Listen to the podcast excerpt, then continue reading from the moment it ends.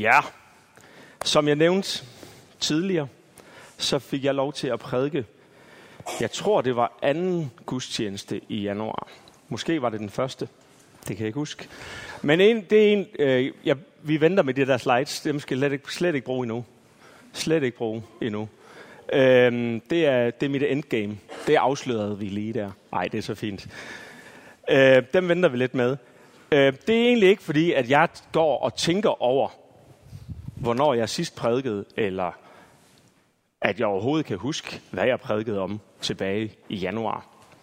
Det er faktisk sjældent, at jeg oplever, at jeg vender tilbage til det, medmindre det er noget, der har gemt sig inde i mit hjerte. Så nogle gange kan jeg godt prædike, og så kan jeg opleve, hey, det der, det, det var faktisk også til mig selv, og så kan jeg godt vende tilbage til det.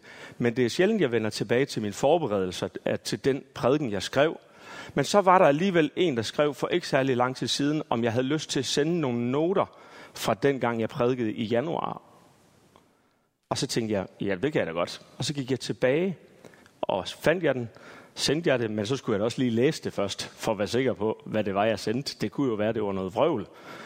Jeg sendte det selvfølgelig til personen, og personen spurgte selvfølgelig, fordi det havde en betydning for personen, havde lyst til, altså var blevet mindet om noget af det, der var blevet sagt. Og så begyndte jeg selv at læse det, og begyndte at blive mindet om det, og så kommer Lars og siger, Jakob, du skal jo også prædike her til november, måske skulle du prædike om øh, sådan, øh, og så kom han med en masse forslag. Og så kunne jeg bare mærke med det samme. Jeg tror faktisk, jeg skal prædike om lige nøjagtigt det samme, som jeg prædikede om i januar. Men bare på en anden måde. Og måske sidder du tilbage og tænker, jeg kan huske den prædiken. Så er jeg meget overrasket, hvis I kan det. Men øh, den prædiken dengang, den handlede om drømme. Den handlede om, at vi drømmer tit. Jeg fortalte, at jeg var mega træt i, eller mega begejstret i december, og så kom vi til januar, og så var jeg bare helt flad, og jeg var bare åh, der sker så meget i januar. mange mennesker har så mange krav til mig og verden og øh, nytårstaler og alt muligt. Øh, og så derudover har jeg også en masse idealer selv. Så det der med, at jeg hele tiden vil forbedre mig selv, forbedre mig selv. Jeg har en masse drømme, og jeg tror hele tiden, jeg skal skabe mig selv. Og fordi at jeg tror, jeg skal det, så ender det med, at man ikke kan leve op til de her idealer, og så bliver man bare banket tilbage. Og så var mit budskab dengang, at Gud har nogle drømme for os. Gud har nogle planer for os. Og nu står vi så den sidste prædiken i det her kirkeår, fordi lige om lidt tager vi hul på et nyt, og jeg har lyst til på mange måder at komme med et budskab, der minder om det. Jeg sagde dengang, Jemias, læste op dengang fra Jemias 29.11, hvor der står, Jeg ved, hvilke planer jeg har lagt for jer, siger Herren. Planer om lykke, ikke om ulykke. Planer om at give jer en fremtid og håb. Så på mange måder vil jeg gerne med den her prædiken inspirere både mig selv og jer, os som menighed, til både at blive udfordret lidt på nogle punkter, men også til at blive opmuntret. For hvad er der sket i løbet af året, som vi kan tage med os? Jeg vil lave tre nedslag, tre pointer, som jeg har taget med mig. Og øh, jeg håber, og øh, tror på, at I også kan finde glæde i dem. De her pointer, de kommer ud fra, hvad jeg har hørt i løbet af året.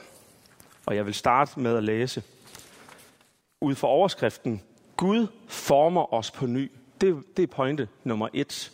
Så hvis vi tager tilbage til, hvad jeg sagde, så var det der med, at Gud har en drøm for os. Gud har ikke bare en drøm for os, han har faktisk også en plan for os. Han har lagt en vej for os.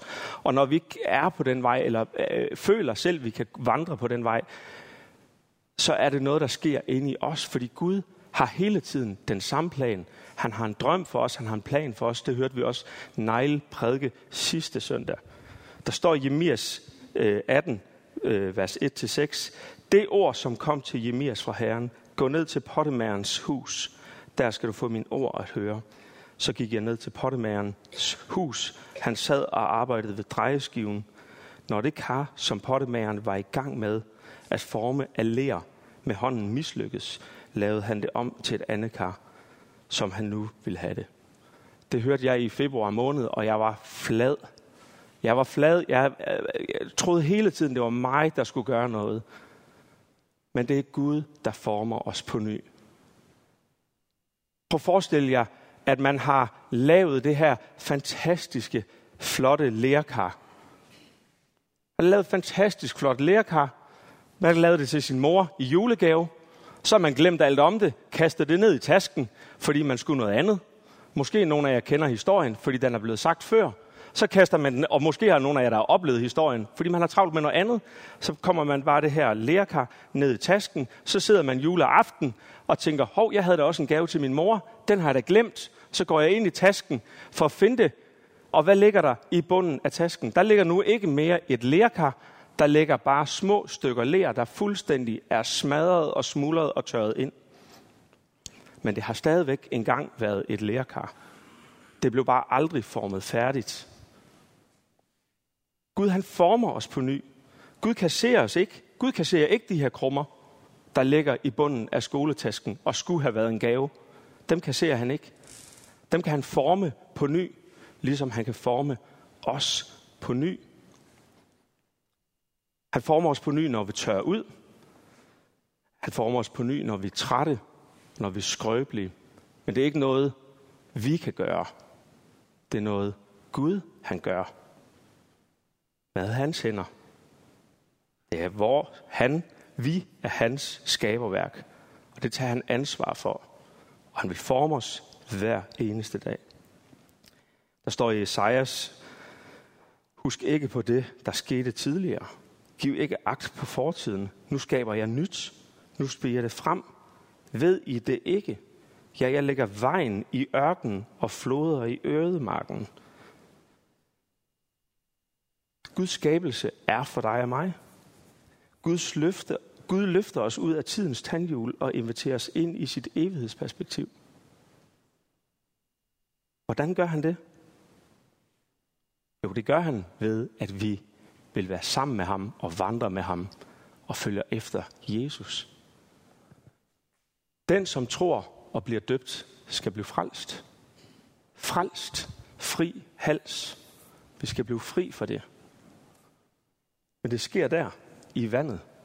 Ved I, hvad der sker, når man kommer vand på ler? Vi starter forfra. Så de der lerklumper, jeg ved ikke helt teoretisk, om man kan, men jeg ved, at når leret bliver tørt, jeg ved ikke, om det er skoletaskeler, kan blive vådt igen, men, men når leret bliver tørt og tør ud, så kan vi forme det på ny med vand. Et liv med Jesus. Så det er min første pointe. Gud han former os på ny.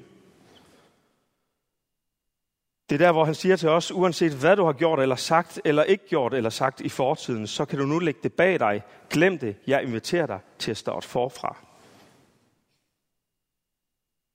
Jeg vil skabe nyt i dig. Jeg vil skabe nyt med dig. Så tager du noget med i dag, så kunne det måske være, at Gud han former dig på ny.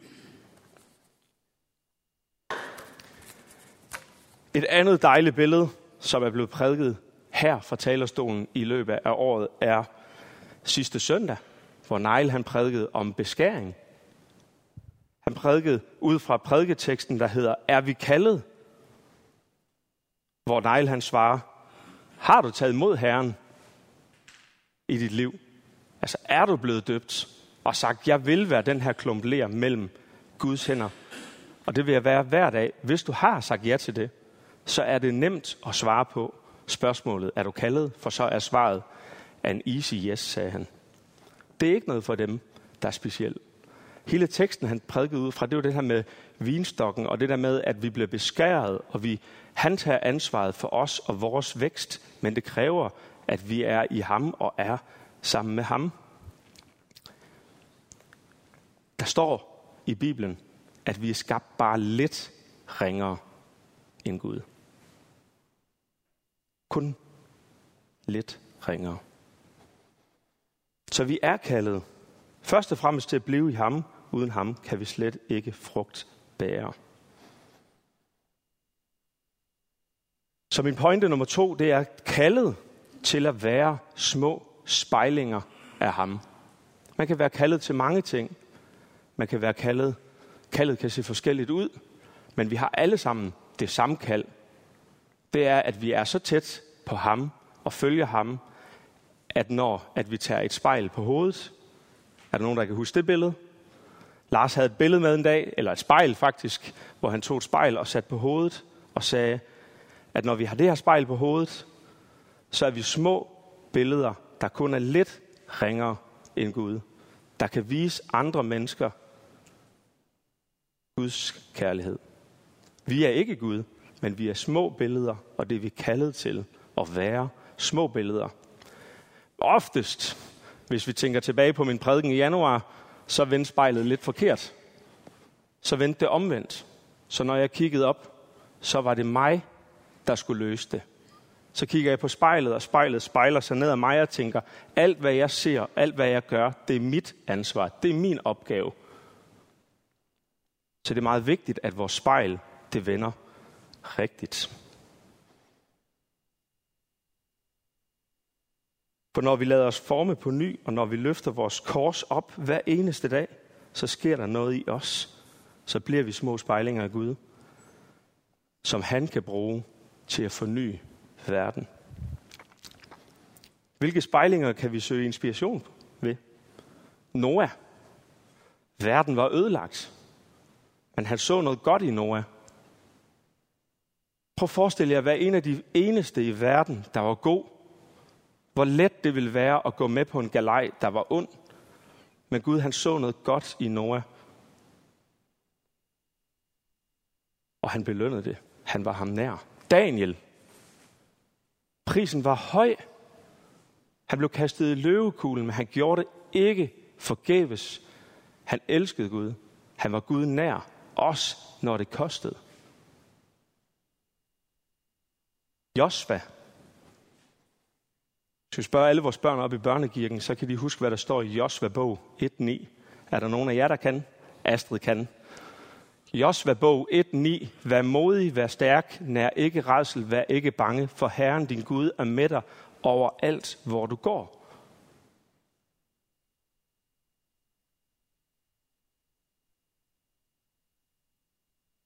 Så pointe nummer to kan være, at du er kaldet til at være et spejl af ham på alle måder. Lige meget om du er et lille barn, eller om du er voksen, så vil et andet menneske kunne komme til at lære Gud at kende igennem dig.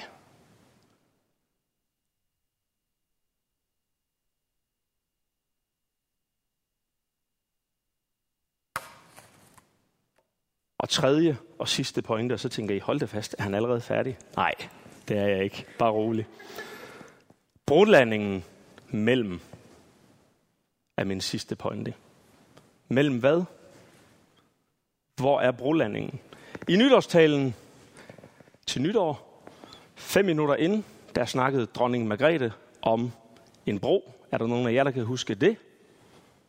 Det kan Manfred. Det kan Rikke. Hun snakkede om, at vi...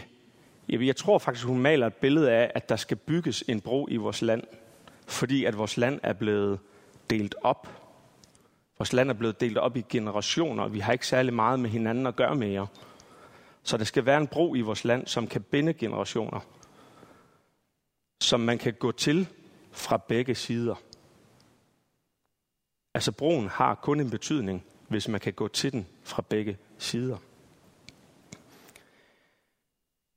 I 1. Peters brev 2.9 står der, men I er en udvalgt slægt, et kongeligt præsteskab, et helligt folk, et ejendomsfolk, for at I skal forkynde hans gudemagt. Han, som kaldte jer ud af mørket til sit underfulde lys. I som, før, I, som før ikke var et folk, men nu er Guds folk. I, som ikke fandt barmhjertighed, men nu har fundet barmhjertighed. I Peter og den tid verdensbillede, der var det sådan, at kongen er lige med menneske, var repræsentant over for Gud. Og præsten, altså Guds præsteskab over for menneske. Så kongen var menneskernes repræsentant over for Gud, og præsten Guds repræsentant over for menneske. Kaldt et kongeligt præsteskab. To brolandinger. En i himlen, og en her på jord. Så menighedens formål og eksistensberettelse er at forbinde himlen og jorden. Det er det, vi er til for. Det er det, Guds plan er med os. Et kongeligt præsteskab. To brolandinger. En i himlen og en på jorden. Så vi har snakket meget i kirken her om, hvordan vi gerne vil binde en bro i generationer. Og det ved vi, hvor hårdt er. Hvor svært det er. Men jeg synes faktisk også, når jeg kigger tilbage, at vi lykkedes. Jeg kan se rigtig mange vidnesbyrd, høre mange vidnesbyrd i år bare om, hvordan at både ældre og yngre har lært hinanden at kende. Hvordan at vi ser, at unge mennesker og ældre har mere med hinanden at gøre. Men vi ved, det er svært at lave en brolanding mellem to ting, der er så spændt ud. Ligesom at vi som kristne synes måske også, det kunne være svært at være, have ansvaret for en brolanding mellem jorden her og himlen. Men det er jo det, vi skal bruge vores spejling til. Det er derfor, vi skal være i Guds hænder hver eneste dag. Det er derfor, vi skal have det her spejl på hovedet, så vi kan lave en brolanding mellem, hvad der sker her på jord og i himlen. Så altid, menighedens formål og eksistensberettelse er at forbinde himlen og jorden. Altid have en brolanding i himlen. Hvordan kunne det se ud? Hvordan har vi altid en brolanding i himlen? I lovsang. I tilbedelse. I nadver. I forkyndelse. Der er vi tæt på Gud. Hvordan ser det så ud med den anden ende? altid have en brolanding i det menneskelige virkelighed, der nu er her og vores. Og så kommer vi til mit slide. Det bliver spændende nu. Nu. Og det er noget med, at der er en laser her også, er det ikke det? Måske. Nej, det er lige meget. Her kan I se Honduras. Kan I se Honduras? Yes. I Honduras ligger der en bro. Skifter. Den har nok ikke tændt. Det er den nu. Der. Og jeg har nok svært ved at sige det. Choloteca. Ja. Der ligger en bro. Er der nogen af jer, kender broen? Den er også blevet snakket om her i år. Op med lappen, hvis I kender broen. Det er der ikke. Fedt. Det er fedt. Yes. Nå, den her bro, den blev bygget. Altså, der var, der var en bro. Der var en bro, en fungerende bro. Man valgte at bygge en bro mere. Fordi at i det her område i Honduras, der er der rigtig grovt vejr. Det har I nok hørt. Der er rigtig, øh, det er rigtig hårdt vejr, så derfor vælger man at have en ny og stærkere bro, så man kan blive ved med at være forbundet. Tilbage i 98 hævde man nogle japanske broingeniører ind.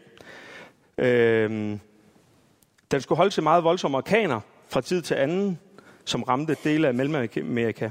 Den blev indvidet i 98. Senere samme år ramte orkanen Mitch. En orkan så voldsom, at ødelæggelserne at, øh, med ødelæggelser, som man i dag, 25 år senere, stadigvæk mærker til på landet. Tror I, broen den holdt? Ja, det gjorde den. Den står der stadigvæk. Ikke helt på samme måde. Det der, det er broen. Den står der stadigvæk. I dag bare lidt anderledes. I tror, det er, foto, I tror, det er photoshoppet, ikke? Det der, det er broen. Det er fuldstændig den samme bro. Der er noget, der er væltet af fra toppen, kan I selvfølgelig se. Og så har I den skarpe seer lagt mærke til, at vandet også har flyttet sig lidt.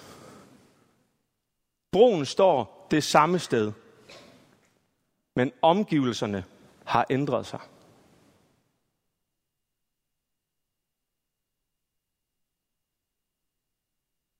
Det her billede, det gik verden rundt. og blev kendt som broen til ingenting. At vi mennesker skal forbinde himlen og jord, det kommer ikke til at ændre sig, før Kristus han kommer igen. Og himlen af himlen, og jorden er jorden, og jorden har desperat brug for brobygning til himlen. Forløsning, fred. Men er det den der bro, vi er? Det skal, ikke, øh, det skal jeg ikke komme ind på. Jeg kan nogle gange godt føle mig som den bro der.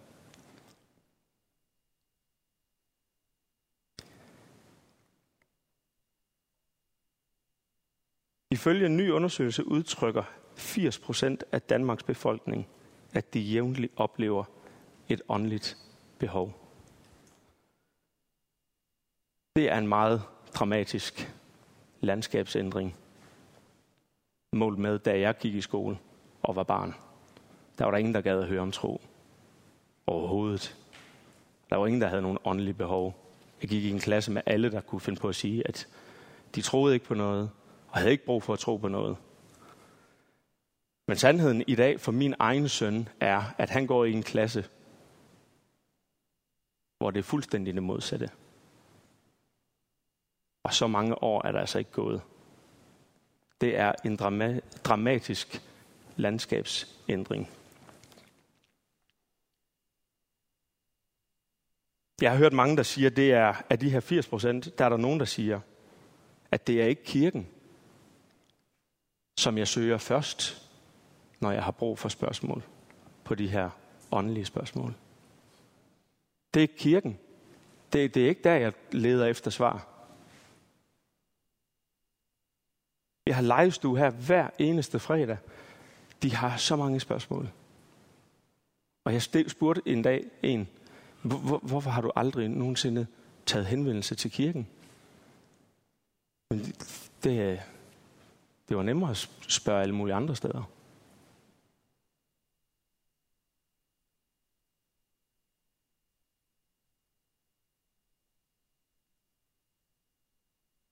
I interviews og podcast i dag, der er det mere reglen end undtagelsen, at de ender med at snakke om tro.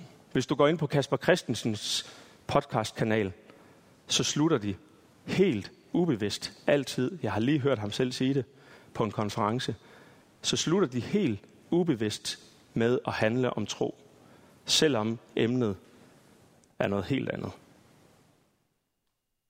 så ender de altid med at handle om tro. Vi oplever det hver eneste uge i lejestue og i foodbank, i vores integrationsarbejde, at når vi gør noget, der intet har med kirken at gøre, andet end det kommer herfra, så er det oftest en invitation til at tale om åndelige behov. Alle de her spørgsmål, der er.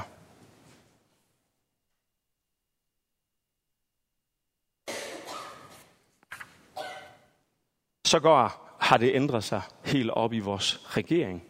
Landskabet har også ændret sig der, hvor at generalsekretær fra Frikirkenet mødes hver eneste uge med politikere og beder på, jeg tror han hedder i Espersens, et eller andet, Søren Espersens kontor. Og så er der kirkekaffe bagefter. Hver eneste uge beder de sammen. Og i samtale med Michael fortæller flere politikere, at de beder hver eneste dag. Men det er ikke noget, vi ser i kirkerne, eller hvad? Der er ikke så mange politikere, der kommer i vores kirke i hvert fald. Så øh, landskabet har ændret sig. Men det ændrer ikke på, at vi er formet af Gud. Vi er kaldet af Gud. Og vi har først og fremmest kaldet til at være en brolægning mellem himlen og jorden. Så en kirke i dag må enten tale frimodigt ind i det ændrede landskab, eller være nok så robust en bro til ingenting. Det kan vi sige som bygning. Men prøv, vi kan også ændre på det her. Og så kan du prøve at tænke lidt ekstra over det her. Du, og kun du, Du administrerer selv din egen tid og dine egne planer. Men du må i dag enten tale frimodigt ind i det ændrede landskab, eller være nok så robust en bro til ingenting. Jeg skal ikke komme ind på, hvad du skal gøre. Jeg kan bare kigge i mit eget liv og se, hvad jeg skal gøre. For hver femte menneske, jeg møder, så mærker fire af dem et eller andet form for åndeligt behov. Skal jeg møde det? Skal jeg tale med dem om det? Eller skal jeg vente til, at der kommer en anden, måske som tror på noget andet, end jeg gør? Vil jeg tage hul på det her emne? Vil jeg være en broforlængelse, der forbinder himlen og jorden? For der er håb, venner. Det er den samme bro.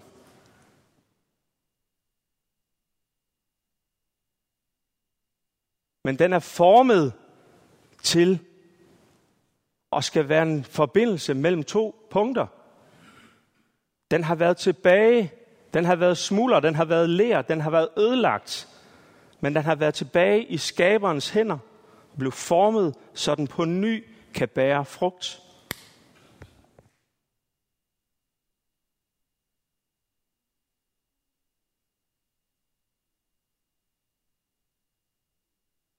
Jeg har tidligere sagt, og det er min afslutning, det har været til debat, det, til debat det her mange steder i landet. Jeg har sagt her i år, og nu får I officielt en undskyldning. Jeg har sagt her i år, gå ud og forkynd evangeliet og brug ord om nødvendigt. det har været til debat herop. Det har været til debat på store kirkelige samlinger. Men mit budskab i dag, det er, at det ikke nok at bare gå ud. Vi skal og vise kærlighed. Vi bliver nødt til at bruge ordene, fordi det er det, de leder efter.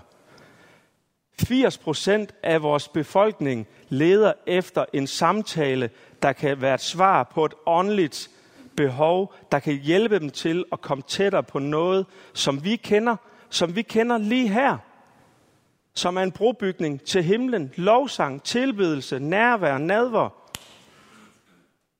Men det er os. Det er dig og mig. Det er dig, der har et valg. Det er mig, der har et valg. Vi er alle her som kirke. Vi har også en mulighed som kirke, som en større gruppe, der kan gøre noget. Men først og fremmest, så er det dig, der skal beslutte dig for, hvad vil jeg bruge min tid på? Vil jeg bruge min tid på det her? Det er ikke nok at bruge alt det, vi har lært i gode gerninger og næstekærlighed. Vi bliver nødt til at snakke med mennesker, der endnu ikke kender Kristus, men har så mange spørgsmål. Jeg tror på, at jeg kan gøre det her bedre i det nye år. Jeg tror på, at jeg ved at komme tilbage til Herrens hænder, formet på ny, hver eneste dag, kan blive en bro der engang ikke havde nogen betydning, igen kan blive til betydning for mennesker. Amen.